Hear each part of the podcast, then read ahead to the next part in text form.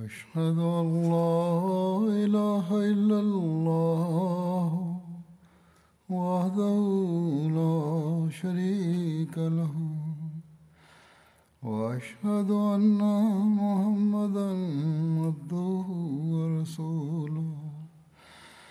أما بعد فأعوذ بالله من الشيطان الرجيم.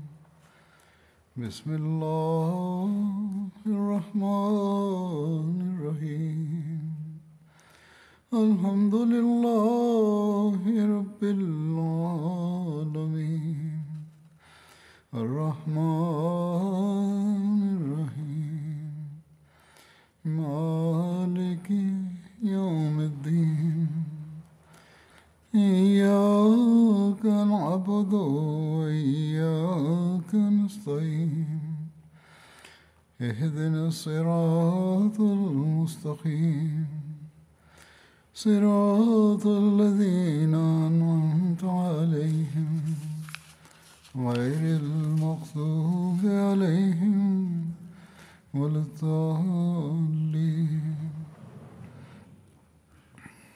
Pas berkenaan dengan peperangan yang dilancarkan untuk melawan fitnah kefasadan yang terjadi di masa Hadrat Abu Bakar Siddiq radhiyallahu anhu. Berkenaan dengan hal tersebut, rincian perjalanan Hadrat Khalid bin Walid menuju wilayah Buta untuk menghadapi Malik bin Nuwairah adalah sebagai berikut. Buta adalah nama sebuah mata air milik Bani Asad. Malik bin Nuwairah berasal dari Bani Yarmu yang merupakan salah satu cabang Bani Tamim. Pada 9 Hijriah, ia datang bersama kaumnya ke Madinah dan menerima Islam. Malik bin Nuwairah adalah salah seorang di antara para pemimpin kaumnya. Ia adalah salah satu kesatria dan penunggang kuda yang masyhur di Arab. Hadrat Rasulullah SAW menugaskannya untuk memungut dan mengumpulkan zakat dari kabilahnya dan menetapkannya sebagai amil zakat. Namun ketika hadrat Rasulullah sallallahu alaihi wasallam wafat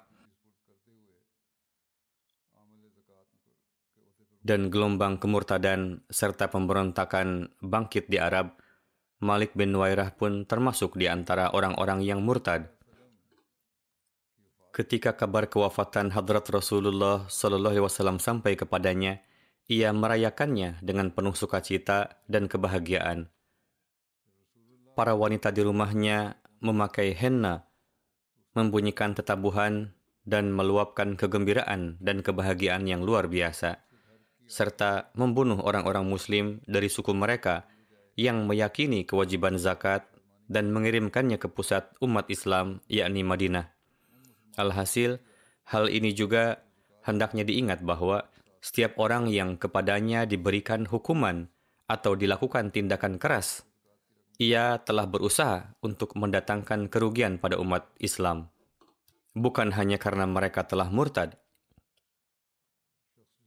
Bagaimanapun, berkenaan dengannya lebih lanjut ditambahkan bahwa di satu sisi ia menolak untuk membayar zakat dan menyerahkan kembali harta zakat yang telah terkumpul kepada kaumnya. Di sisi lain, ia bergabung dengan saja seorang perempuan pemberontak yang mendakwakan kenabian palsu yang datang untuk menyerang Madinah dengan membawa laskar yang besar. Nama aslinya adalah Sajah binti Harith. Kuniahnya adalah Ummi Sadir. Ia adalah seorang dukun Arab dan salah satu pendakwa kenabian serta kepala suku pemberontak yang muncul di Arab tak lama sebelum atau ketika masa-masa kemurtadan. Saja berasal dari kabilah Bani Tamim dan garis keturunannya dari pihak ibu berasal dari kabilah Bani Taglab yang sebagian besar beragama Nasrani. Saja sendiri adalah seorang Nasrani dan seorang yang sangat menguasai kekristenan dikarenakan suku dan keluarganya yang beragama Kristen. Ia datang dari Irak bersama para pengikutnya dan berniat untuk menyerang Madinah.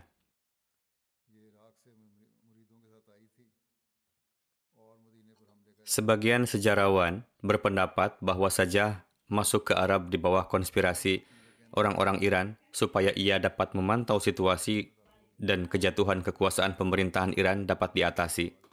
Singkatnya, terinspirasi oleh faktor-faktor ini saja memasuki Arab. Adalah hal yang wajar bahwa pertama-tama ia mendatangi kaumnya, Bani Tamim.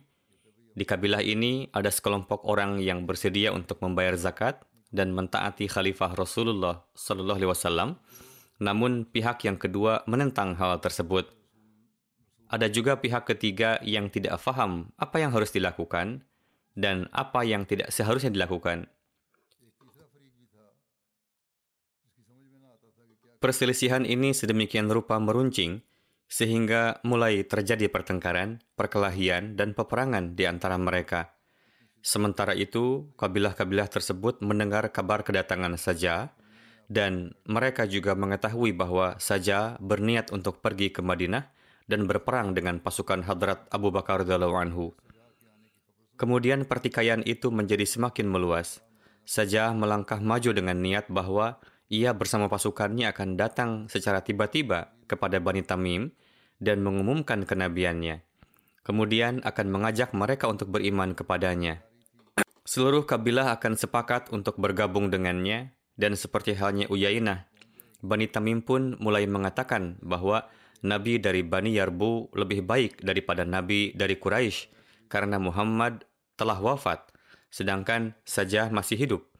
Setelah itu, ia akan berangkat ke Madinah dengan membawa serta Bani Tamim. Ini adalah rencananya, dan setelah menghadapi laskar Hadrat Abu Bakar dan meraih kemenangan, ia akan menguasai Madinah. Singkatnya, Sejah dan Malik bin Nuwairah juga telah saling menjalin hubungan satu sama lain.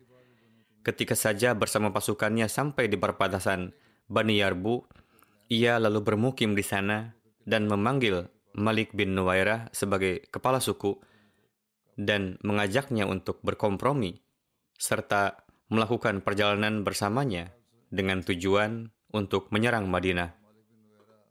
Malik menyetujui ajakan untuk berkompromi, namun ia memberi saran kepadanya supaya menghentikan niatan untuk menyerang Madinah dan mengatakan bahwa lebih baik melenyapkan musuh satu suku terlebih dahulu daripada datang ke Madinah dan melawan pasukan Abu Bakar.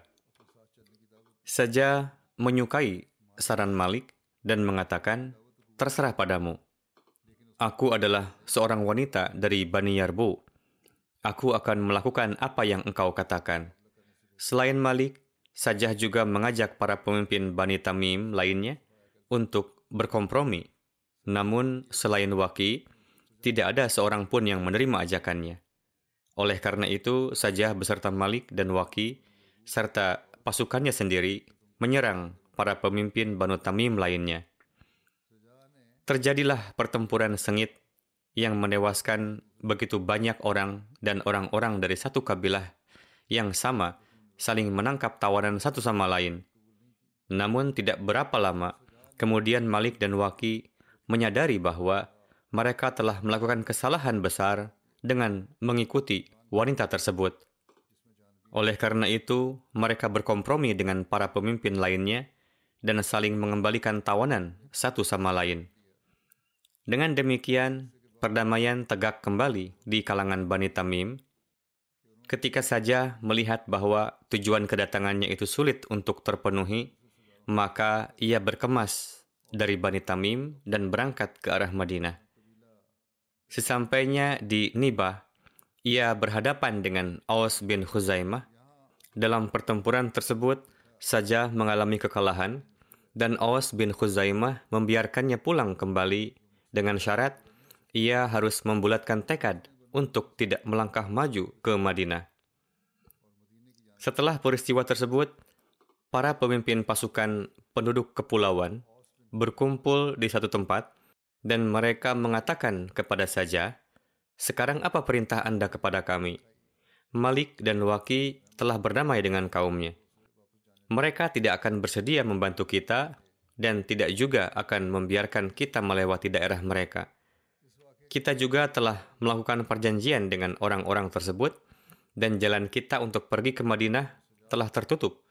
Sekarang katakanlah, apa yang harus kami lakukan? Sajah menjawab, jika jalan menuju Madinah telah tertutup, maka tidak perlu khawatir.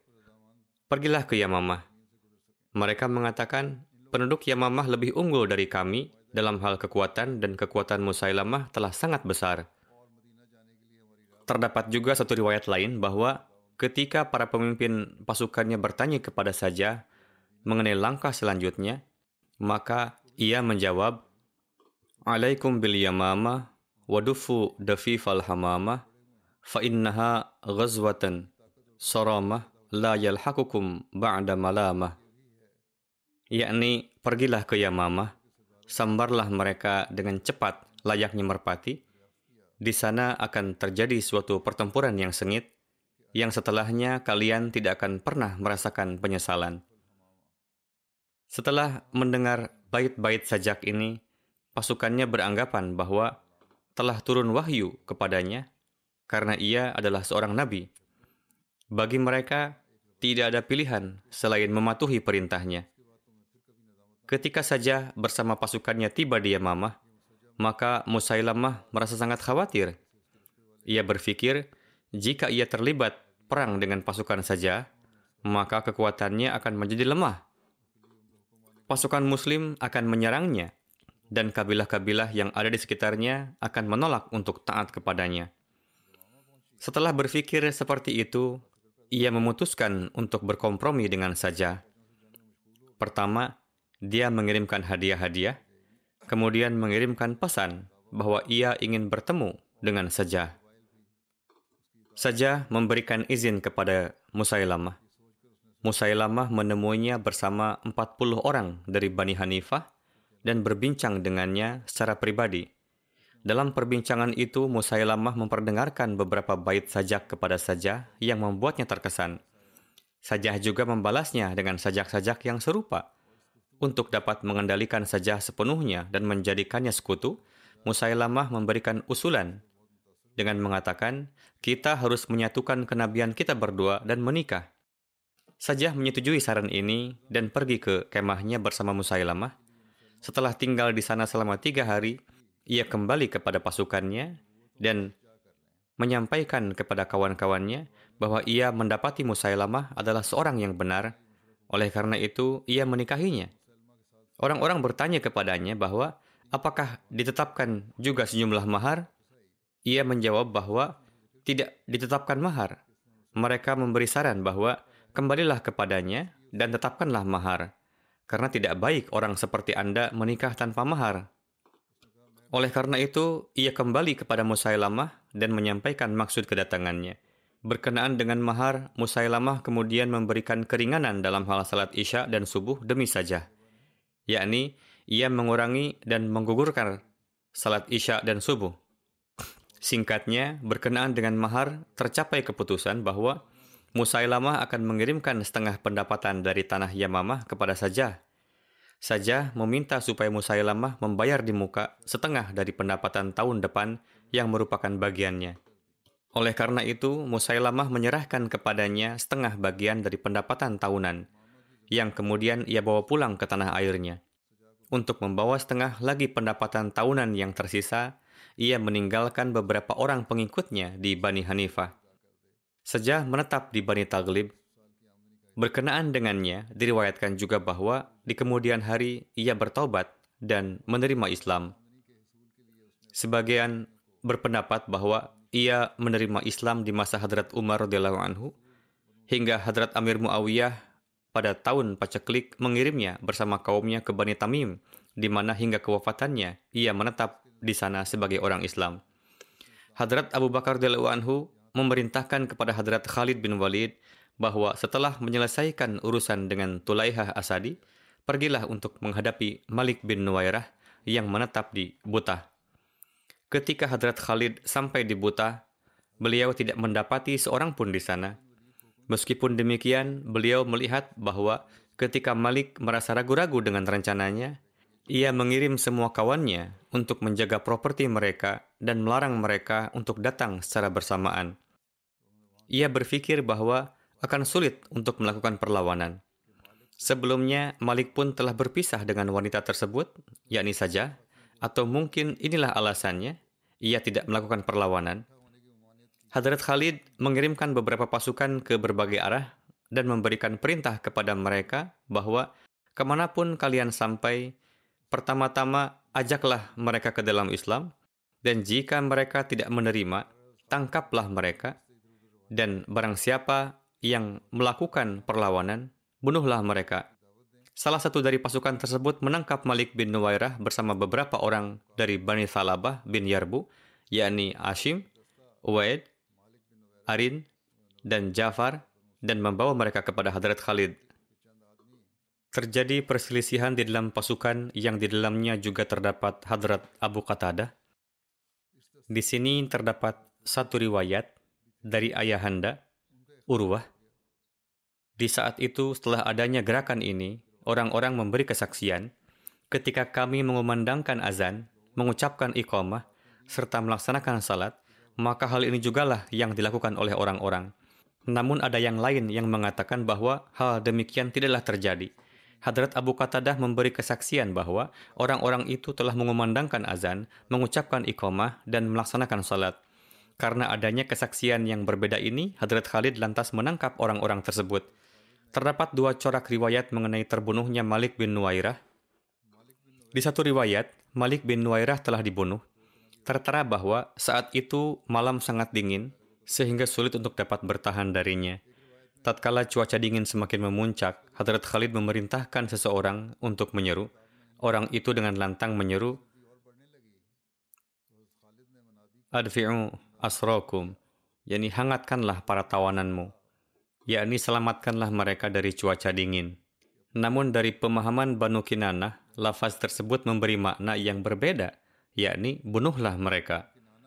Jadi, para prajurit yang ada memahami lafaz tersebut sesuai dengan makna setempat yang berlaku, yaitu mereka diperintahkan untuk membunuh para tawanan itu. Atas hal ini, mereka lantas membunuh semuanya. Hadrat Zirar bin Azwar membunuh Malik. Di satu riwayat lain, Abd bin Azwar Asadi lah yang telah membunuh Malik.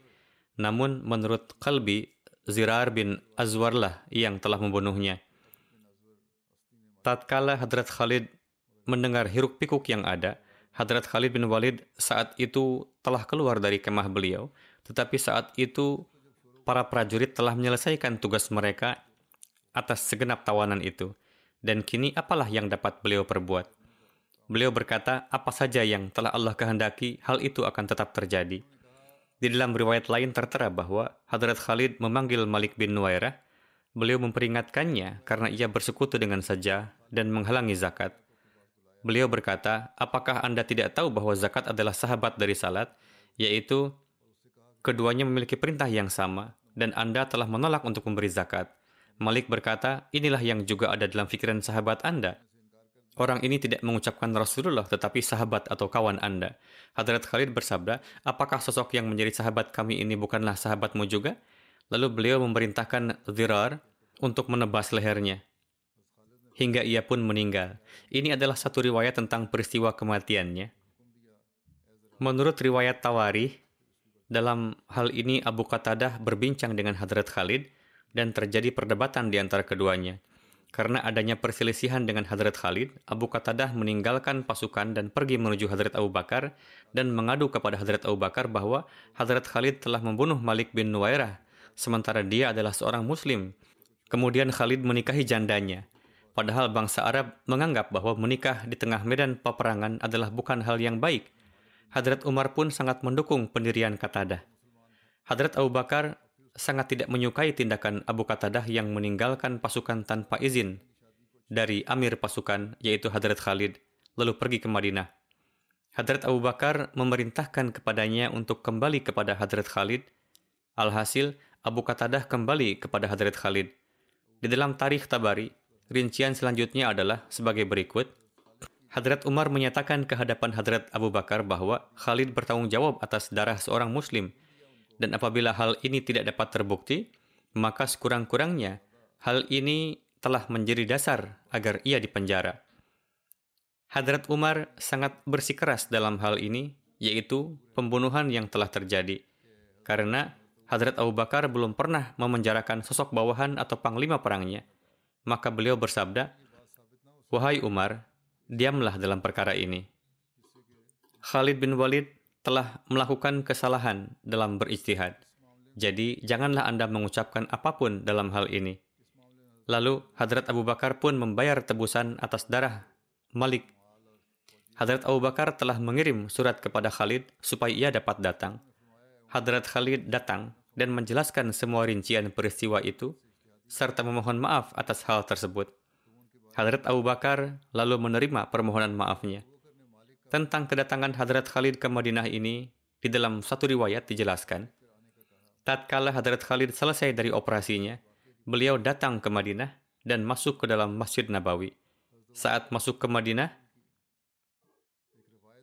Hadrat Umar berkata kepadanya, Anda telah membunuh seorang muslim, lalu menikahi jandanya. Demi Tuhan, saya pasti akan merajammu. Saat itu, Hadrat Khalid sama sekali tidak mengeluarkan ucapan apa pun, karena ia menganggap bahwa Hadrat Abu Bakar pun akan memiliki pemikiran yang sama. Ia pergi menghadap kepada Hadrat Abu Bakar. Ia menceritakan keseluruhan peristiwa yang terjadi dan memohon maaf. Lalu Hadrat Abu Bakar pun menerima permohonan maaf beliau. Setelah menerima belas kasih dari Hadrat Abu Bakar ini, ia pun berdiri. Hadrat Umar pun saat itu ada dan tengah duduk di masjid. Hadrat Khalid berkata, Wahai putra Ummu Salamah, datanglah kepada saya dan sampaikanlah kehendak Anda. Melihat Hadrat Khalid berbicara seperti demikian, Hadrat Umar memahami bahwa Hadrat Abu Bakar telah berkenan padanya. Hadrat Umar pun terdiam, lalu beliau berdiri dan kembali ke rumah, serta tidak mengatakan apa pun kepada Hadrat Khalid. Menurut satu riwayat lain, saudara dari Malik yaitu Mutammim bin Nuwairah datang menghadap Hadrat Abu Bakar untuk meminta kisah atas kematian saudaranya.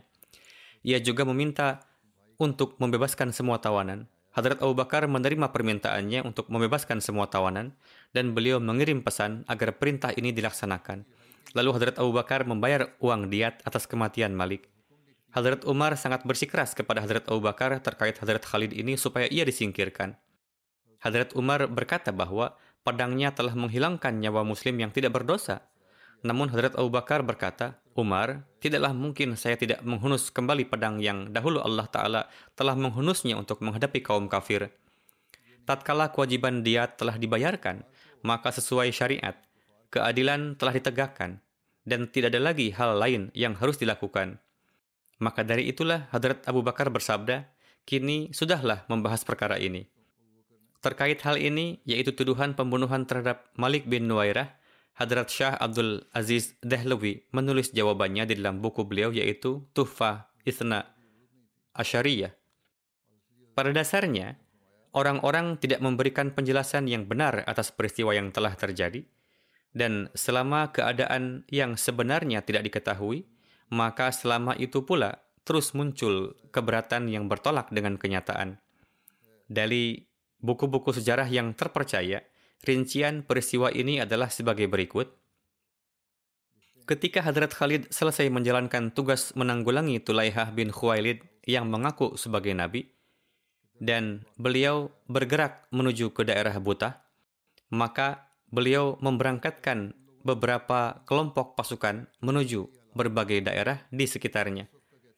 Hadrat Khalid sesuai dengan petunjuk dan sunnah Rasul Karim Sallallahu Alaihi Wasallam memberikan petunjuk kepada pasukannya bahwa siapa saja kaum, kabilah, atau kelompok yang mereka temui, jika suara azan terdengar di sana, maka janganlah menyerang dan menghabisi mereka. Jika tidak terdapat suara azan, maka anggaplah itu sebagai darul harb, yakni medan perang, dan hadapilah mereka dengan kekuatan sepenuhnya. Secara kebetulan, di pasukan tersebut terdapat juga sosok Abu Qatadah Ansari yang menangkap Malik lalu membawanya kepada Hadrat Khalid. Ia sebelumnya mendapat kedudukan dari Nabi Karim Sallallahu Alaihi Wasallam sebagai pemimpin di Buta. Ia pun ditugaskan untuk mengumpulkan sedekah-sedekah dari daerah-daerah sekitarnya. Hadrat Abu Qatadah bersaksi bahwa ia telah mendengar azan, namun segolongan dari pasukannya berkata bahwa mereka tidak mendengar suara azan. Meski demikian, sebelumnya dari berbagai sumber terpercaya yang bermukim di beberapa daerah sekitar, secara pasti dan terbukti telah diketahui bahwa setelah mendengar kabar kewafatan Nabi Karim Sallallahu Alaihi Wasallam, keluarga Malik bin Nuwairah merayakan pesta dengan sangat meriah. Para wanita mereka saat itu mengias diri dengan mehendi, membunyikan gendang, dan memperlihatkan kegembiraan dan kesenangan yang sangat besar. Mereka senang dengan musibah yang menimpa kaum muslim ini. Lalu hal lainnya adalah tatkala berlangsung soal dan jawab bersama Malik bin Nuairah, dari mulutnya keluar suara lafaz tentang huzur sallallahu alaihi wasallam di mana lafaz tersebut biasa diucapkan oleh orang-orang kafir dan murtad di dalam percakapan-percakapan mereka yakni qala rajulukum aw sahibukum yakni orangmu atau sahabatmu telah mengatakannya.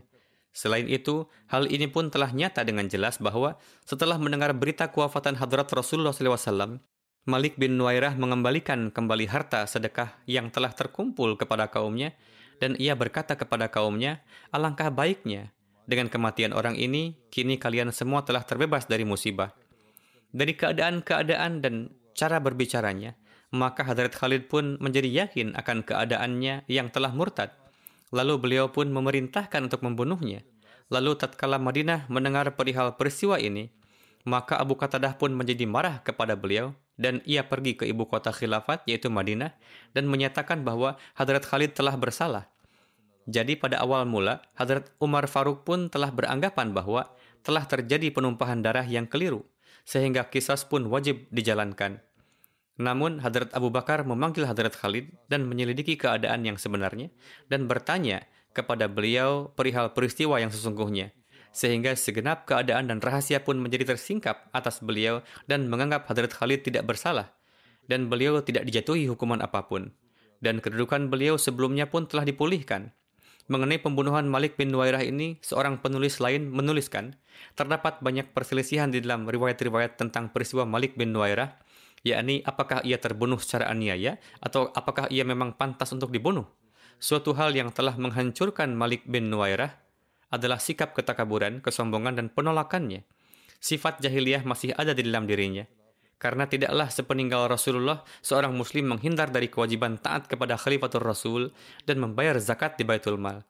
Ia menulis, menurut gambaran saya, ia adalah sosok yang haus akan kekuasaan dan kepemimpinan, Bersamaan dengan itu, ia pun merasa iri dengan beberapa kerabatnya yang juga termasuk dari antara para pemuka Banu Tamim, yang mana mereka tunduk dan taat atas kekhalifahan Islam. Dan mereka telah menjalankan kewajiban-kewajiban mereka kepada pemerintah. Jadi, ia merasa iri dengan orang-orang yang telah taat kepada khilafat dan yang telah menunaikan kewajiban zakat dan hal lainnya. Hal ini diperkuat baik dari segi ucapan dan perbuatannya keadaannya yang telah murtad dan berpihak pada saja, tindakannya yang telah membagi unta hasil zakat kepada orang-orang di sekelilingnya dan menolak menyerahkan kepada Hadrat Abu Bakar sikap pemberontakannya dan tidak mendengar nasihat-nasihat para kerabatnya yang muslim, hal-hal ini telah membuktikan dirinya sebagai seorang yang telah melanggar. Dan dari hal ini telah jelas bahwa orang ini lebih dekat pada kekafiran daripada Islam. Di satu sisi, ia telah menyatakan dirinya muslim dan ingin disebut muslim, tapi di sisi lain, ia dekat dengan kekafiran. Jika memang tidak terdapat bukti yang kuat atas tuduhan terhadap Malik bin Wairah ini, maka penolakannya terhadap zakat telah cukup menjadikannya sebagai pelanggar. Bagi para sejarawan awalin, hal ini telah menjadi satu kepastian yang telah terbukti bahwa ia telah ingkar membayar zakat. Di dalam Tabakatil Fukhul Syu'ara, karya Ibnu Abdus Salam tertera, telah menjadi kesepakatan bahwa Hadrat Khalid telah berbincang dengan Malik. Ia berusaha untuk melenceng dari ajarannya, tetapi Malik masih menerima salat. Ia berkata bahwa dirinya akan melakukan salat, tetapi ia menolak untuk membayar zakat. Di dalam syarah Sahih Muslim, terkait orang-orang murtad ini, Imam Nawawi bersabda, dalam hal ini, saat itu terdapat juga orang-orang di mana mereka tetap menerima anjuran zakat dan tidak berhenti membayarnya. Tetapi para pemimpin mereka menahan mereka dari mengamalkannya. Beberapa orang menghendaki untuk membayar zakat, karena zakat pun telah diwajibkan seperti halnya salat, tetapi para pemimpin mereka menghalangi mereka dan menahan tangan mereka sebagaimana Bani Yarbu. Mereka telah mengumpulkan zakatnya dan ingin menyerahkannya kepada Abu Bakar, namun Malik bin Nuwairah melarangnya dan membagikan kembali zakat itu kepada orang-orang. Hadrat Abu Bakar telah melakukan penyelidikan sepenuhnya mengenai Malik bin Nuwairah dan sampai pada kesimpulan bahwa Khalid bin Walid bersih dari tuduhan pembunuhan Malik bin Nuwairah. Abu Bakar dalam perkara ini lebih memahami hakikat dibandingkan dengan orang lain dan memiliki pandangan yang dalam karena beliau adalah khalifah dan semua berita sampai kepada beliau dan keimanan beliau pun paling unggul dari semuanya. Dalam mensikapi Khalid, beliau radhiyallahu anhu mengikuti teladan Rasulullah Shallallahu alaihi wasallam karena Rasulullah tidak pernah memakzulkan Khalid dari tanggung jawab yang telah diberikan kepadanya. Sekalipun Hadrat Khalid pernah melakukan hal-hal yang membuat Rasulullah gelisah, namun Rasulullah tetap menerima alasan yang disampaikan oleh Khalid. Lalu beliau Shallallahu Alaihi Wasallam bersabda kepada orang-orang, janganlah menimpakan kesulitan kepada Khalid, karena ia adalah salah satu di antara pedang Allah yang dengan perantaraannya Allah Ta'ala telah menguasai orang-orang kufar. Kemudian ada satu keberatan dalam hal ini bahwa Hadrat Khalid telah menikahi Ummi Tamim binti Minhal dilontarkan keberatan berkenaan dengan Hadrat Khalid bahwa beliau menikahi Laila binti Minhal ketika perang berlangsung dan tidak menunggu terpenuhinya masa iddah. Berkenaan dengan pernikahan ini, dalam tarikh Tabari dijelaskan sebagai berikut. Hadrat Khalid telah menikah dengan putrinya Ummi Tamim Minhal dan meninggalkannya untuk memenuhi masa tuhur atau suci karena bangsa Arab menganggap hubungan dengan wanita ketika perang sebagai sesuatu yang tidak baik.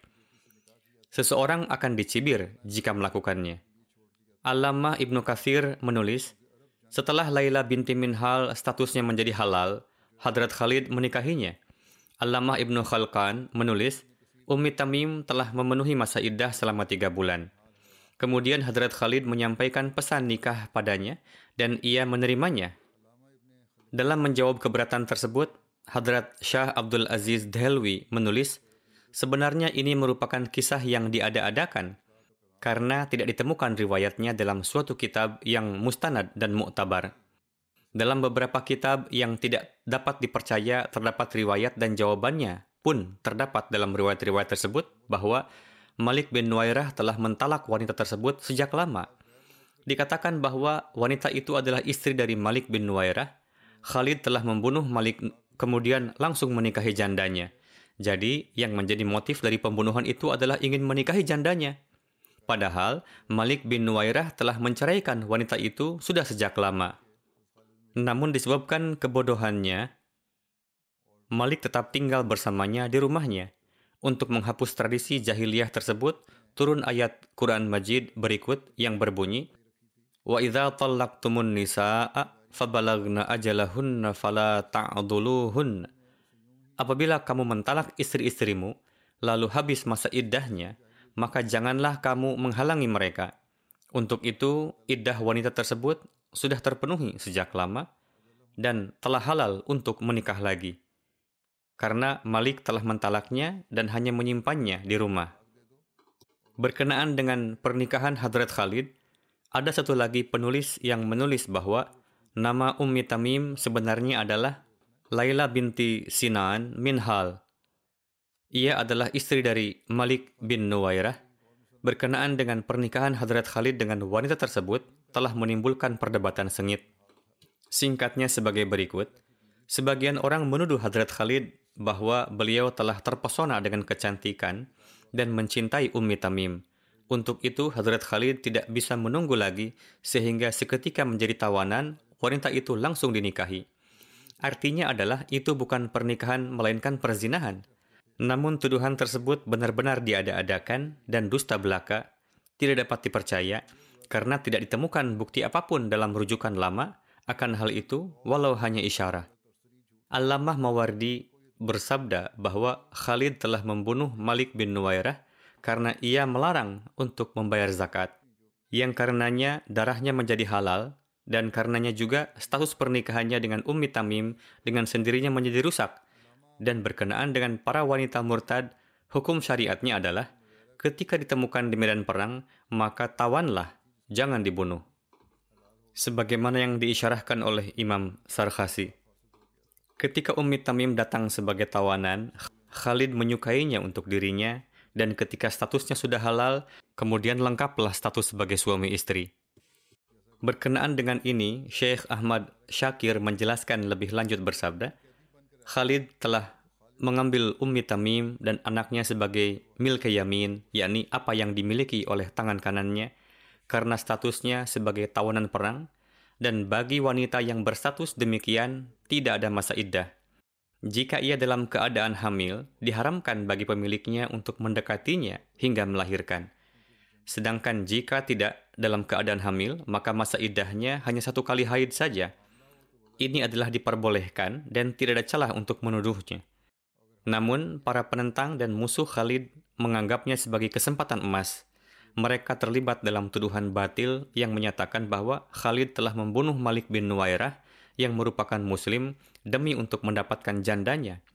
Begitu juga dilontarkan tuduhan kepada Khalid bahwa disebabkan oleh pernikahan tersebut, beliau telah melanggar tradisi kebiasaan bangsa Arab. Sebagaimana segelintir orang mengatakan bahwa dengan membunuh Malik bin Nuwairah lalu menikahi istrinya di medan perang yang mana bertentangan dengan tradisi Arab baik pada masa jahiliyah maupun Islam. Demikian pula melanggar tradisi Muslim dan syariat Islam. Ucapan segelintir orang tersebut sama sekali jauh dari kebenaran, karena sebelum datangnya Islam, di kalangan bangsa Arab sering sekali terjadi hal serupa, yakni setelah mendapatkan kemenangan di atas musuh dalam peperangan, biasa menikahi para wanitanya, dan hal itu merupakan kebanggaan tersendiri. Dr. Ali Muhammad Salabi menulis berkenaan dengan hal ini, yakni jika dilihat dari sudut pandang syariat, Khalid melakukan satu perbuatan yang jaiz dan untuk itu telah ditempuh cara yang legal berdasarkan syariat. Bahkan amalan tersebut terbukti pernah dilakukan oleh wujud yang lebih afdol dari Khalid. Jika dilontarkan keberatan kepada Khalid bahwa beliau menikah ketika perang atau langsung setelahnya, maka Rasulullah pun menikahi Juwairiyah binti Haris langsung pasca perang Muraisi, dan apa yang beliau lakukan itu terbukti sangat berberkat bagi kaum yakni disebabkan oleh pernikahan tersebut, 100 orang keluarga istri beliau dibebaskan karena telah menjadi bagian dari kerabat pihak mertua Rasulullah, dan di antara sekian banyak manfaat pernikahan tersebut, salah satunya adalah ayah istri beliau bernama Muhammad bin Dirar masuk Islam. Demikian pula, segera setelah selesai perang Khaybar, Rasulullah menikahi Safiyah binti Hui binti Akhtab Sebagaimana terdapat contoh amalan Rasulullah dalam hal ini, berarti tidak ada dasarnya jika ada orang yang melontarkan keberatan dan cacian terhadap Hadrat Khalid bin Walid. Untuk itu, saya sampaikan hal ini secara rinci karena sebagian orang yang tidak faham menyampaikan pertanyaan dan sebenarnya mereka melontarkan keberatan kepada Hadrat Abu Bakar anhu bahwa Hadrat Umar berada di pihak yang benar dalam hal ini. Sedangkan Hadrat Abu Bakar telah bersikap tidak adil, na'udzubillah, dan telah mendukung Hadrat Khalid bin Walid dalam corak yang tidak benar. Setelah memperhatikan semua hal ini secara detail, Hadrat Abu Bakar mengambil keputusan dan membebaskan Hadrat Khalid dari segala tuduhan ini. Berkenaan dengan keberangkatan Hadrat Khalid ke Yamamah, diriwayatkan bahwa Hadrat Abu Bakar memerintahkan Hadrat Khalid bin Walid dengan mengatakan, setelah selesai menghadapi kabilah Asad, Ghatfan, Malik bin Nuwairah dan lain-lain, berangkatlah ke Yamamah, dan beliau sangat menekankan misi tersebut. Syarik bin Afzah Fazari meriwayatkan, saya termasuk di antara orang-orang yang ikut pada perang Buzakha yang hadir menemui Hadrat Abu Bakar. Beliau radhiyallahu anhu mengirim saya untuk menemui Hadrat Khalid. Hadrat Abu Bakar mengirimkan sepucuk surat di tangan saya untuk Hadrat Khalid di dalam surat tersebut tertulis, Amma ba'du, saya telah menerima surat dari Anda melalui kurir Anda. Dalam surat tersebut, Anda menyebutkan perihal kemenangan pertolongan dari Allah Ta'ala dalam perang Buzakhah dan misi dalam menghadapi kabilah Asad dan Ghatfan. Anda menulis, saya tengah menuju ke Yamamah. Nasihat saya untuk Anda adalah bertakwalah kepada Allah wahdahu la syarikalah. Perlakukanlah dengan lembut umat muslim yang ada bersama Anda. Bersikaplah seperti ayah kepada mereka. Wahai Khalid, waspadalah dengan ketakaburan dan kecongkakan Bani Mughirah. Saya tidak mempercayai keluhan mereka berkenaan denganmu. Padahal saya tidak pernah membantahnya. Untuk itu, ketika Anda berangkat untuk menghadapi Banu Hanifah, waspadalah. Ingatlah bahwa hingga saat ini tidak pernah yang berhadapan denganmu seperti halnya Banu Hanifah. Mereka semua menentangmu dan negerinya sangat luas. Untuk itu, ketika tiba di sana, maka aturlah sendiri komando laskar. Tetapkanlah seorang di bagian kanan, seorang di bagian kiri, dan seorang untuk pasukan berkuda. Mintalah saran bergantian dari para sahabat besar, muhajirin, dan ansar yang ada bersamamu. Kenalilah keutamaan dan makom mereka. Ketika musuh sudah bersiap di medan perang dengan persiapan penuh, maka gempurlah.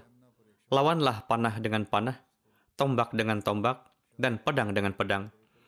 Bunuhlah musuh yang dapat dikuasai. Ciptakanlah rasa ciut di kalangan mereka dengan gempuran.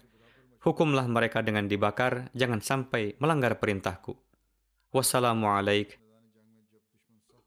Ketika Khalid mendapatkan surat tersebut, beliau membacanya dan berkata, "Kami telah mendengarnya dan kami akan mematuhi sepenuhnya."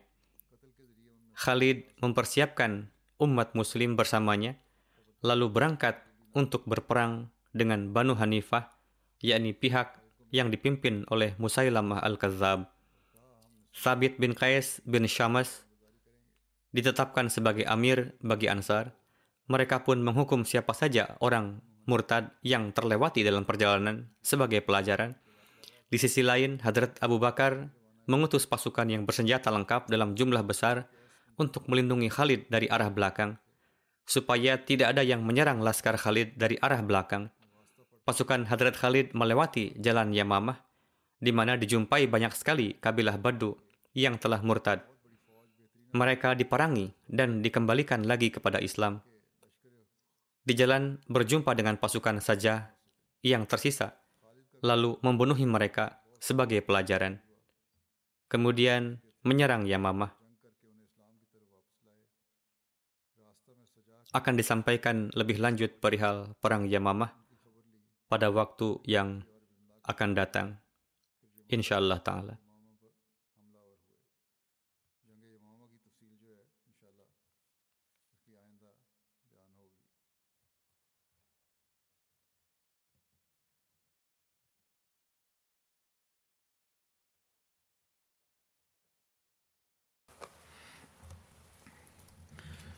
الحمد لله الحمد لله نحمده ونستعينه ونستغفره ونؤمن به ونتوكل عليه ونعوذ بالله من شرور أنفسنا ومن سيئات أعمالنا. من يهده الله فلا مضل له ومن يضل فلا هادي له. ونشهد أن لا إله إلا الله. ونشهد أن محمدا عبده ورسوله. عباد الله رحمكم الله. إن الله يأمر بالعدل واللسان.